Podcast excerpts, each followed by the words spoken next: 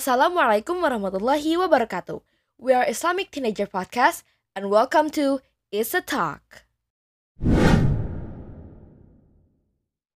Al-Arba'un An-Nawawiyah An Abi Dharrin radhiyallahu anhu aidan anna nasan min ashabi Rasulillahi sallallahu alaihi wasallam qalu lin Nabi sallallahu alaihi wasallam Ya Rasulullah Dhahaba ahlul dhuthuri bil ujur yusalluna kama nusalli wa yasumuna kama nasum wa yatasaddaquna bifuduli amwalihim. Qal awalaysa qad ja'alallahu lakum ma tasaddaqun? Inna bikulli tasbihatin sadaqah wa kulli takbiratin sadaqah wa kulli tahmidatin sadaqah wa kulli tahlilatin sadaqah wa amrum bil ma'rufi sadaqah wa nahyun an munkarin sadaqah wa fi bud'i ahadikum sadaqah. Qalu ya Rasulullah ayati ahaduna syahwatahu wa yakunu lahu fiha ajrun? Qal ara'aytum law wada'aha fi haramin akana alaihi fiha wizrun fakadzalika idza wada'aha fi halali kana lahu ajran.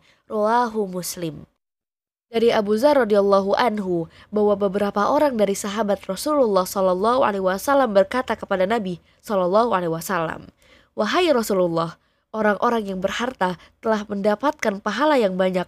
Mereka sholat seperti kami sholat, mereka berpuasa seperti kami berpuasa.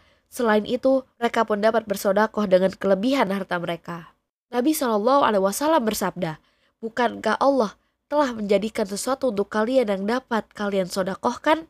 Sesungguhnya pada setiap tasbih, ucapan subhanallah itu adalah sodakoh. Setiap takbir, ucapan Allahu Akbar adalah sodakoh. Setiap tahmid, ucapan Alhamdulillah itu adalah sodakoh. Setiap tahlil, ucapan La ilaha illallah itu adalah sodakoh. Menyuruh kepada kebaikan adalah sodakoh. Mencegah dari yang mungkar adalah sodakoh. Dan bercampurnya seorang dari kalian dengan istrinya adalah sodakoh.